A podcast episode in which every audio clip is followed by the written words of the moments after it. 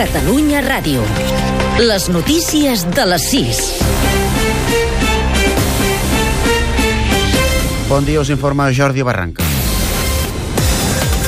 Les cendres de Fidel Castro, mort la matinada d'aquest dissabte als 90 anys, s'enterraran el 4 de desembre a Santiago de Cuba. El règim cubà ha decretat 9 dies de dol oficial. Durant aquest temps se succeiran els homenatges al comandante que inclouran el viatge de les seves cendres per tot el país. La notícia de la seva mort l'anunciava per televisió el seu germà Raúl, que des del 2006 és qui ocupa la presidència de Cuba. Querido pueblo de Cuba, con profundo dolor comparezco para informar a nuestro pueblo. La mort del líder cubà ha agafat per sorpresa la direcció del país, que celebrava el 60è aniversari de la Revolució Cubana.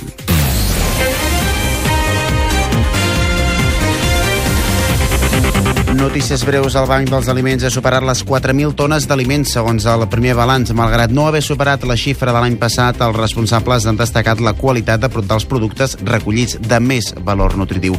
Eduard Arruga, president del Banc dels Aliments de Barcelona, a Catalunya Informació. La ciutadania ha demostrat la seva solidaritat, superant, creiem nosaltres, els 4 milions de quilos. No sé si arribarem als 4 milions 600 mil de l'any passat, però sobretot més important encara és que hem superat aquests 4 milions amb un contingut de proteïnes i de nutrició dels aliments rebuts molt més alt. Els productes es distribuiran entre 235.000 persones. La dreta francesa decideix avui el seu candidat a l'Elisi entre François Fillon i Alain Juppé. El guanyador d'aquesta segona volta de les primàries sembla que té possibilitats de ser el nou president de la República després de les eleccions de la primavera vinent. El Partit Demòcrata Europeu Català ha donat llum verda a crear una fundació que es converteixi en un think tank o laboratori d'idees i que encapçali el president del partit i excap del govern Artur Mas. La formació impulsarà la fundació però no la finançarà. David Bombaí, coordinador d'organització del PDeCAT. És una entitat jurídicament eh, totalment diferenciada del Partit Demòcrata i, per tant, es financiarà només a través d'aportacions de gent o d'empreses a la mateixa fundació. Els comerciants estan satisfets després del Black Friday de divendres. La iniciativa ha allargat els descomptes durant tota la setmana i es consolida com una gran jornada de promocions, tant als comerços online com a les botigues tradicionals. Santiago Pagès, membre del Col·legi d'Economistes de Catalunya, ha explicat en una entrevista a Catalunya Informació que aquells comerços que no s'adaptin a les necessitats del mercat sortiran perjudicats. El pastís es té que repartir entre molts. Sempre, sempre hi haurà algú que surti perjudicat. Qui serà el perjudicat? Aquell que no s'adapta a la nova situació del mercat? Segurament. Però també hem d'entendre que els grans tenen més poder de compra, tenen més poder de, de negociació i tenen més capacitat d'atenció de la demanda.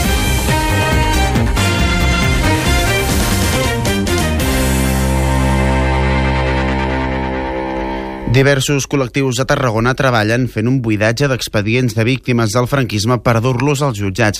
Expedients com el d'un jove considerat la darrera víctima del règim i que va morir en circumstàncies no aclarides en una manifestació l'any 1976 després dels fets de Vitoria. Tarragona, Silvi Jardí.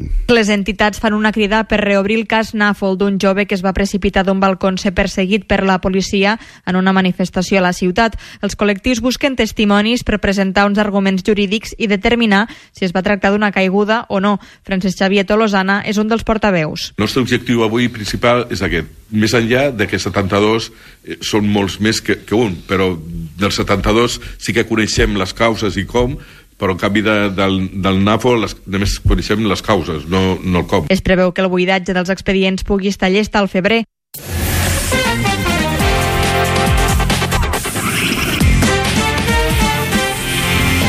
Als esports, l'Espanyol ha guanyat el Leganés per 3 a 0 amb un gol de Gerard Moreno i dos de Piata i ja encadena ja 7 jornades sense perdre. El Madrid, per la seva banda, ha guanyat 2 a 1 l'Sporting al Bernabéu i reforça el seu lideratge de primera amb 7 punts de marge respecte al Barça, que juga avui al camp de la Real Societat. Aquest dissabte també s'han jugat el Màlaga 4, Deportivo 3 i el Sevilla 2, València 1.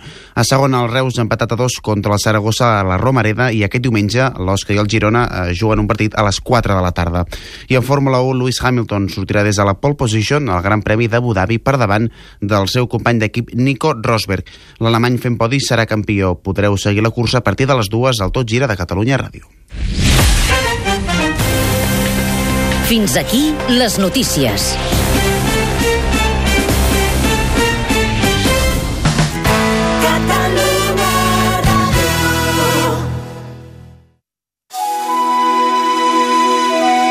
Paraules de vida un espai obert per parlar de l'actualitat a l'Església.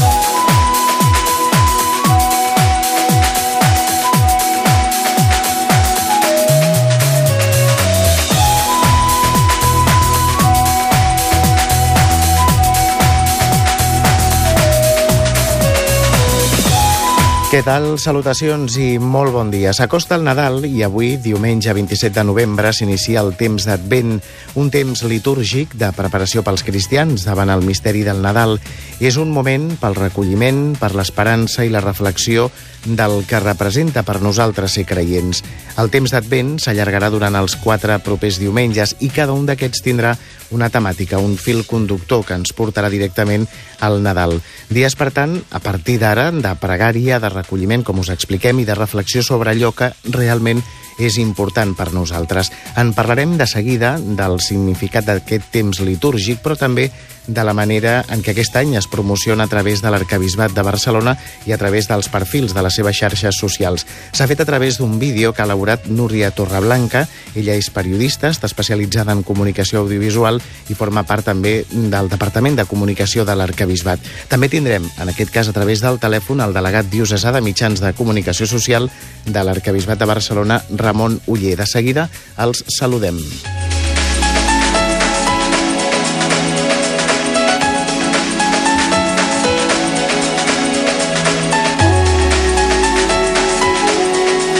I a la recta final, com sempre, arribarà un nou comentari de l'actualitat de Francesc Romeu. Comencem.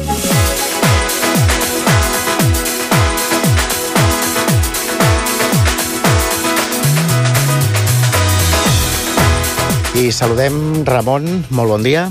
Hola, què tal? Bon dia i bona hora. Com Benvingut al Paraules de Vida i també la Núria, que ens acompanya als estudis. Núria, bon dia. Molt bon dia. Comencem parlant primer, si et sembla, Ramon, del temps d'Advent, d'aquest temps litúrgic i del que això representa pels creients i pels cristians? Bueno, el temps d'Advent, ja ho sabem, és un temps d'esperança, un temps de preparació al Nadal. I, per tant, són quatre setmanes d'una intensitat profunda amb el que representa l'esdeveniment del naixement de Crist. El que hem intentat fer i el que intentem fer nosaltres és fer arribar aquesta reflexió i aquesta esperança a través de mitjans de comunicació moderns perquè arribi al jovent d'una manera diguem, d'una forma d'entendre la cosa més moderna, més adequada als llenguatges d'avui dia. Clar, perquè potser a vegades eh, el jovent, sobretot, no? li parles del temps d'advent i potser no, no, te, no acaben de tenir clar què és, no? Ben bé? Bueno, si parlem amb, una, amb això que ens diu el papa d'Església en sortida i per tant ens dirigim a tot tipus de jovent, eh, ens ha de constatar i ens constata avui dia que fins i tot el llenguatge, les paraules, el significat de les festes, el propi calendari esdevé un aconteixement quasi desconegut. Per tant, intentar traduir el que seria una carta del bisbe o de l'arcabisbe, intentar descobrir una mica el missatge de l'Evangeli a través d'un llenguatge més modern, que és un llenguatge visual, un llenguatge més simplificat, crec que pot ajudar quan menys a posar en el cor de cada persona una paraula, una música, una imatge que els ajudi a pensar què significa uh, un temps com aquest, que és un temps d'espera, com deia, d'esperança. I aquí és on entra, en aquest cas, el paper, la feina, el treball de la Núria, amb l'elaboració d'un vídeo que es pot veure a través del Facebook, crec, de l'Arquebisbat sí. de Barcelona, oi? A més, a part de Facebook, també es pot visualitzar a Twitter i també a la pàgina web d'esglésiabarcelona.cat. Uh -huh. I parla'ns, com, com està fet aquest vídeo, per la gent que encara no l'hagi vist?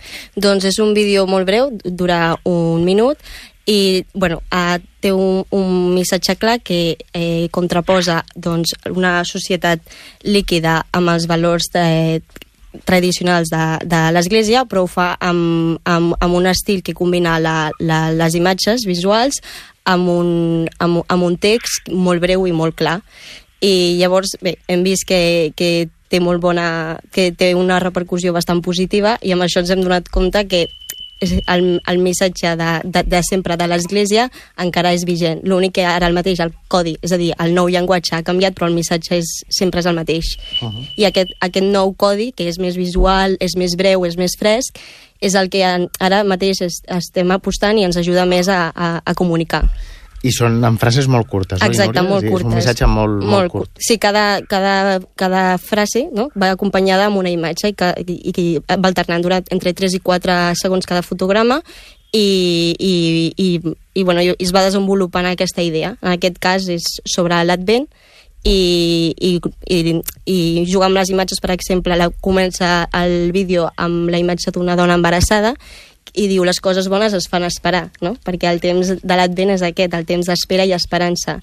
I després, més endavant en el vídeo, es veu com, com es, imatges de, de gent comprant no? I, i, i, i posa aquesta idea no, de que això és la, les, el més efímer no, i que realment potser el que més important a la nostra vida no, no, no, no, és, no es pot comprar. Exacte, i consumir, no? Que de fet Exacte. una mica jugueu amb el... S'ha celebrat aquest passat divendres el Black Friday, Exacte. no? I ho contraposeu sí. una mica això, no? Sí, aprofitem amb aquestes dates no, del Black Friday que bueno, ens han bombardejat totes, bueno, totes les empreses no, amb aquesta idea i, ho, i, i aprofitem també justament ara que el, el diumenge, no, 27 de novembre d'Advent, i doncs per, per donar-li importància a aquests valors i, i contrafrontar-ho amb, amb el que és efímer i amb el que és la societat més líquida. Uh -huh. De fet, és un, un vídeo que no deixa indiferent ningú, no? No sé si ja teniu una mica el nombre de visites que, que fins ara té, però sí que és cert que quan es veu crida l'atenció, no? no és, I, sí. la, la persona el veu, i fins i tot també perquè és curtet, no? Perquè és, una, és accessible, sí. és curtet, i a més a més és un nou llenguatge, no?, per parlar del, de l'Advent. Sí, exacte. A més que arriba més en comparació potser en altres noti notícies arriba a un abast majoritari, però a més aquest abast és positiu perquè ho comparem amb, amb altre contingut que creem i, i que i, bueno, i el, els comentaris, els, els, els likes, no, per dir una manera, que ens, el feedback, que el teniu, feedback no? és, és, és més positiu. O sigui, eh, guanyant en, en abast, però aquest abast va acompanyat amb, amb, amb el feedback de, la, de les persones. No és només un abast, però no hi ha feedback, no hi ha comentaris, no hi ha, no hi ha, no hi ha feedback per, per del, dels uh -huh. altres, el, tot el contrari, l'he acompanyat positivament. I Núria, com va ser el procés d'elaboració? De, com va de, decidir concretament les imatges que feies servir? Com, com ho posaves en escena? Doncs és a partir del, de la carta dominical, del, que és d'aquest 27 de que novembre. Que podrem sentir després. Exacte, doncs és a partir d'aquesta uh, carta dominical agafen unes idees i llavors doncs, les confrontarem no, amb, amb aquesta idea que juguem, com dèiem, del, del consumisme o Black Friday i, i llavors la pensem bueno, amb, amb que el, el missatge de, de la carta dominical el, el que volem comunicar i llavors aquí és quan entra el, el nou codi, no? el nou llenguatge que parlem, que és les imatges, és bueno, amb un text fins i tot ja és, amb, que sembla una tonteria, però fins i tot de, pensem el, el tipus de font que utilitzarem, que amb lletres blanques i, i que la, la, la imatge sigui més fosca perquè, més fosca perquè les imatges clares es vegin més. Tot està tot pensat. ben sí. pensat, no? Exacte, sí, sí, uh -huh. totalment. I tu, com, la, la Núria és una persona molt jove, tu com a, com a jove mm, suposo que és el que t'agradaria veure, no? O sigui, és, sí, és el que t'identifica. Sí, sí, més que res, uh, és, suposo que és un, és el típic de la comunicació, no?, que, que ara mateix doncs ens, en, a part de que ens agrada també és més còmode, perquè per exemple en aquest cas, aquest vídeo no ve acompanyat d'un de, de so, sí que hi ha música però es, no hi ha àudio no hi ha, no hi ha àudio, no. exacte, no hi ha cap persona parlant. I és còmode perquè pots veure uh, per la teva tablet, smartphone on sigui o quan, per, per on sigui més còmode i no, i no t'exigeix en aquell moment a, a posar un àudio i llavors també és un, un altre tema que hem tingut, una altra, bueno, una altra cosa que hem tingut a, en compte. Tot i que la música també és acurada, no? Sí, exacte. Sí, acompanya, es pot escoltar música, però en aquest cas sí, es pot veure el vídeo sense, i, i captar el missatge sense àudio. Uh -huh.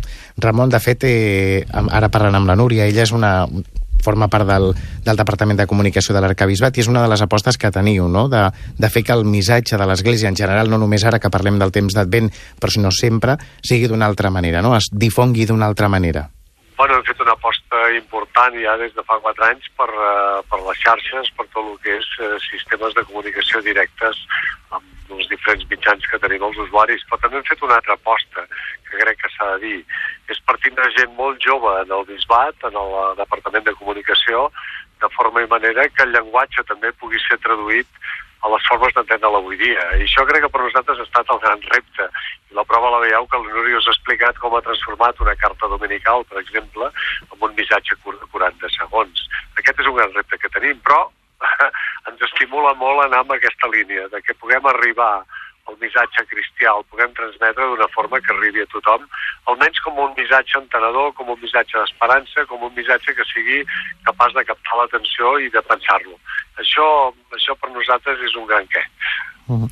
I és difícil a l'hora de, de plantejar el missatge, en aquest cas parlem de temps advent, però de qualsevol tema de l'Església, adaptar-ho a aquests nous temps i, i als canals que hi ha actualment disponibles? Bueno, eh, primer de tot, eh, cal pensar que estem davant d'una, diguem, d'una generació fins a 40 anys, que és una generació eminentment visual. Per tant, vol dir que el llenguatge narrat o la història narrada, com ha sigut tradicional, pues s'ha de convertir en aquest llenguatge visual i, conseqüentment, vol dir que s'ha de simplificar sense renunciar a lo que és l'essència del missatge de l'Església, o el que és l'essència del missatge evangèlic. És dir, i aquí tenim un repte. és evident que hi tenim un repte, però bueno, tenim gent jove, gent amb capacitat, gent amb intel·ligència, gent amb ganes. I bueno, i també hem de passar una mica pel període d'experimentació, és a dir, eh, anar veient progressivament eh, com anirà funcionant de manera pues, que, que no sigui només suficient el que el vegi més gent o que el pugui veure més gent, sinó que li digui coses determinades a una gent determinada i a més gent. I per tant aquest seria una forma d'anar fent extensiu i d'anar fent eh, progressar, diguem, aquest missatge que avui dia necessita ser traduït en una nova llengua, però que al final ha de conservar tota la seva essència, que no la podem ni tancar ni canviar, que és l'essència de l'Evangeli. Uh -huh. Que, de fet, és el, el missatge que avui també donem a través del Paraules de Vida, no? a través de la ràdio, a través d'un canal tradicional, no? Exacte. Exacte. Uh -huh. I, i abans d'acabar, Ramon, mm, recorda'ns també una mica, són a partir d'ara, a partir d'aquest diumenge, quatre diumenges, com dèiem, de, de reflexió no? i de, de fer una pausa, una parada en aquesta societat frenètica no? en la que vivim? Bueno, societat en què ens hem acostumat molt a voler les coses ara immediatament, a que la comunicació i la informació vagi immediata d'un costat a l'altre, què no verifiquem a vegades massa les coses, però sobretot jo crec que és un uh, temps que l'hauríem d'aprofitar amb un cert silenci. Perquè un no arriba a realitzar i entendre eh, el significat de les grans coses, com és el naixement de Jesús, o no arribem a entendre fins i tot moltes vegades nosaltres mateixos davant d'aquest missatge quina oportunitat hi tenim de cara a modificar la nostra vida, de cara a modificar les nostres coses, perquè moltes vegades ni li donem temps del temps ni som capaços d'estar uns minuts en silenci. Aleshores, aquest és un temps que hauríem d'aprofitar per això, per fer almenys una estoneta de silenci, visualitzar, si vols, un vídeo, ser capaços d'estar 3, 4, 5 minuts pensant en què ens diu allò i veient si allò ens estimula que la nostra forma de viure tingui nou sentit. Jo crec que aconseguir això, que és obra de Déu sempre, si nosaltres hi podem contribuir, doncs mira, farem el que ens toca, que és moure allò que calgui per tal que el missatge arribi d'una forma coherent, consistent, eh, no deformada i viva, perquè sigui això, una forma de repensar-se cada un la seva vida. Uh -huh. Núria, i per acabar, que ja no tenim gairebé temps, anima la gent que ens escolti que vegin aquest vídeo si no l'han vist encara. Com ho poden fer? Doncs molt fàcil, ho poden, ho poden veure a partir de Facebook, del el compte d'Arcabisbat Barcelona, eh, també per Twitter, eh, Església BCN, i també per esglésiabarcelona.cat, la nostra pàgina web. Doncs Núria i Ramon, gràcies per haver-nos acompanyat avui, en aquest diumenge. Gràcies a vosaltres. Moltes gràcies. Paraules de vida. Un espai obert per parlar de l'actualitat a l'Església. I tot seguit arriba el comentari de l'actualitat de Francesc Romeu. Francesc, molt bon dia. Molt bon dia a tothom. Diumenge passat el papa francès va presidir a Roma la celebració final del jubileu extraordinari de l'any sant de la misericòrdia. I com ja era previsible, tots sabíem que el papa diria que es tanca la porta santa, però no el temps de la misericòrdia. El que no va ser tan previsible és que el papa presentés per aquest motiu una carta apostòlica titulada Misericòrdia et Misera, el que més ha transcendit d'aquesta carta pels mitjans de comunicació ha estat que el papa francès segueix donant als capellans, per un temps indefinit, la capacitat de perdonar el pecat de participació en l'avortament, un pecat que fins ara havia estat reservat exclusivament per ser perdonat només pels bisbes. Ara el papa francès diu D'ara en endavant concedeixo a tots els, els preveres, en raó del seu ministeri, la facultat d'absoldre els qui hagin procurat el pecat d'avortament. Vull enfatitzar amb totes les meves forces que l'avortament és un pecat greu, perquè posa fi a una vida humana innocent. Amb la mateixa força, però, puc i he d'afirmar que no existeix cap pecat que la misericòrdia de Déu no pugui abastar i destruir, allà on troba un cor penedit que demana reconciliar-se amb el pare.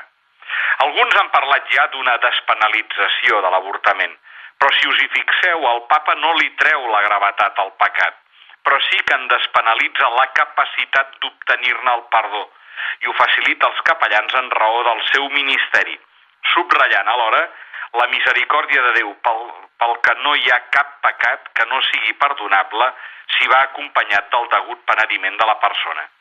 Per mi crec que també és important veure que el papa no sols manté la gravetat de l'avortament, sinó que també aprofita aquesta carta per fer-nos adonar de molts altres pecats que són greus i als quals sembla que ja ens hi hem acostumat.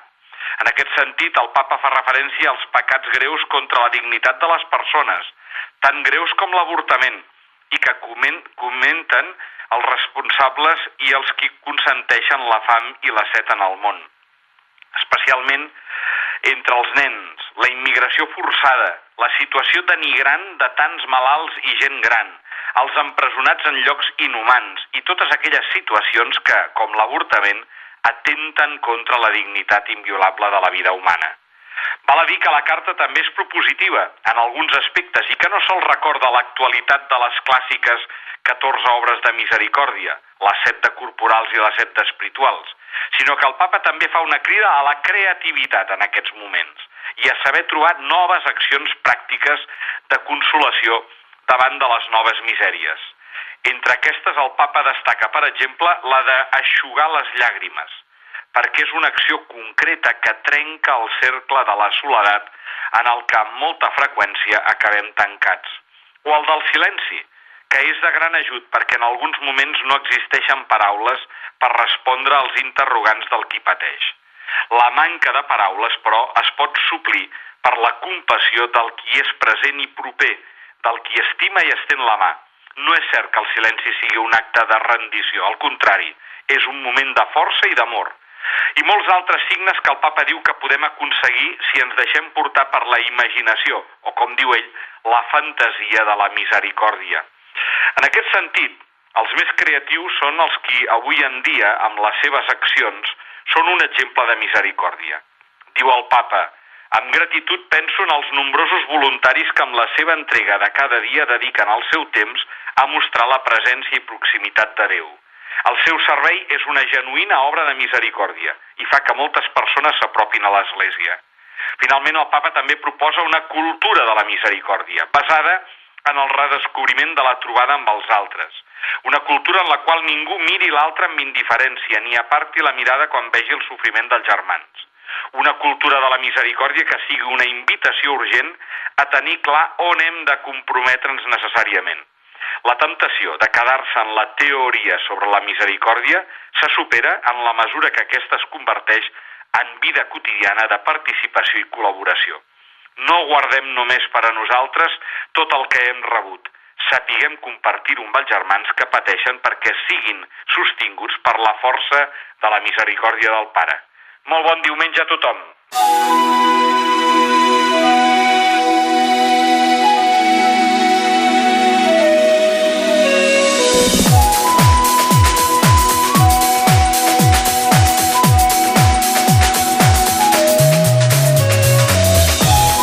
Fins aquí el Paraules de Vida d'aquesta setmana. Ens podeu recuperar a la pàgina web de Catalunya Ràdio i també als perfils de Facebook i Twitter. En Josep Maria Campillo ha estat el control tècnic i qui us ha parlat, l'Emili Pacheco. Que passeu bon diumenge i una molt bona setmana.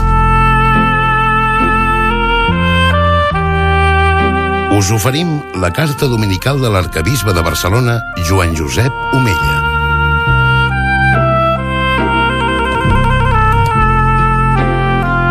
Déu vos guard. El papa emèrit Benet XVI, en el temps que fou arquebisbe de Múnich, va escriure una reflexió sobre el temps previ al Nadal, el temps litúrgic d'Advent que avui comencem. Com a bon teòleg, Joseph Ratzinger començava per l'explicació dels termes i en concret sobre el sentit de la paraula Advent.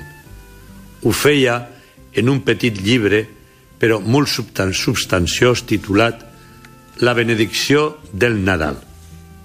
Advent, deia, és una paraula llatina que traduïm per presència, per arribada. En el llenguatge del món antic, Advent era un terme tècnic que serveia per designar l'arribada d'un funcionari, en especial de reis o emperadors, a alguna zona de província. També podia designar la vinguda de la divinitat que surt del seu ocultament i manifesta poderosament la seva presència o la presència de la qual és celebrada solemnement en el culte. Els cristians van assumir aquesta paraula per expressar la seva relació especial amb Jesucrist. Per ells, escrivia Joseph Ratzinger, Crist és el rei que ha vingut a la pobra zona de província de la terra i que regala a la terra la festa de la seva vinguda. Amb la paraula advent, els cristians volien dir en sentit molt general Déu està present. Ell no s'ha retirat del món. No ens ha deixat sols. Fins i tot, quan no el veiem ni podem tocar-lo físicament com es toquen les coses, està present i ve a nosaltres de múltiples maneres. Un primer element d'advent que explicava Ratzinger és el sofriment, el dolor físic o moral, la malaltia o la consciència de la nostra fragilitat moral. També en això el Senyor està present. Aquesta certesa cristiana hauria d'ajudar-nos a mirar el món amb altres ulls i a aprendre a entendre les coses doloroses que ens passen com una visita, com una com una manera d'ell de venir a nosaltres, com una manera de poder-se apropar a nosaltres. Un segon element fonamental de l'Advent és l'espera, que és alhora esperança. L'home és en la seva vida un ésser que espera. Mai la humanitat ha pogut deixar d'esperar temps millors. Els cristians Esperem que el Senyor passi per la història sencera i que un dia recollirà totes les nostres llàgrimes i fatigues de manera que tot trobi explicació i consumació en el seu regne. Jesucrist no és pur futur, sinó que s'insereix en el present. Ell està ocultament present ara. Si ell existeix, no hi ha temps mancat o buit de sentit. Per tant, l'esperança cristiana no treu valor al temps, sinó que significa justament que cada moment de la vida té valor. Significa que podem, podem acceptar el present i que hem d'omplir-lo perquè tot el que hem assumit en el nostre interior té permanència. Per acabar, aquest temps litúrgic no és solament el temps de la presència i de l'espera de l'etern, justament perquè és amb dues coses alhora, escrivia Ratzinger, és també i de manera especial un temps d'alegria i d'una alegria interioritzada que el sofriment no pot erradicar. Aquest temps adventual conflueix en alegria perquè Déu s'ha fet nen, un nen que ens anima a tenir confiança com els nens i a regalar i a rebre regals. Potser hauríem de celebrar l'Advent deixant que els signes d'aquest temps penetrin en la nostra ànima sense que els oferim resistència, acceptant plens de confiança la bondat d'aquest infant que ve a nosaltres. Que Déu us beneixi a tots. Us hem ofert la carta dominical de l'arcabisbe de Barcelona, Joan Josep Omella.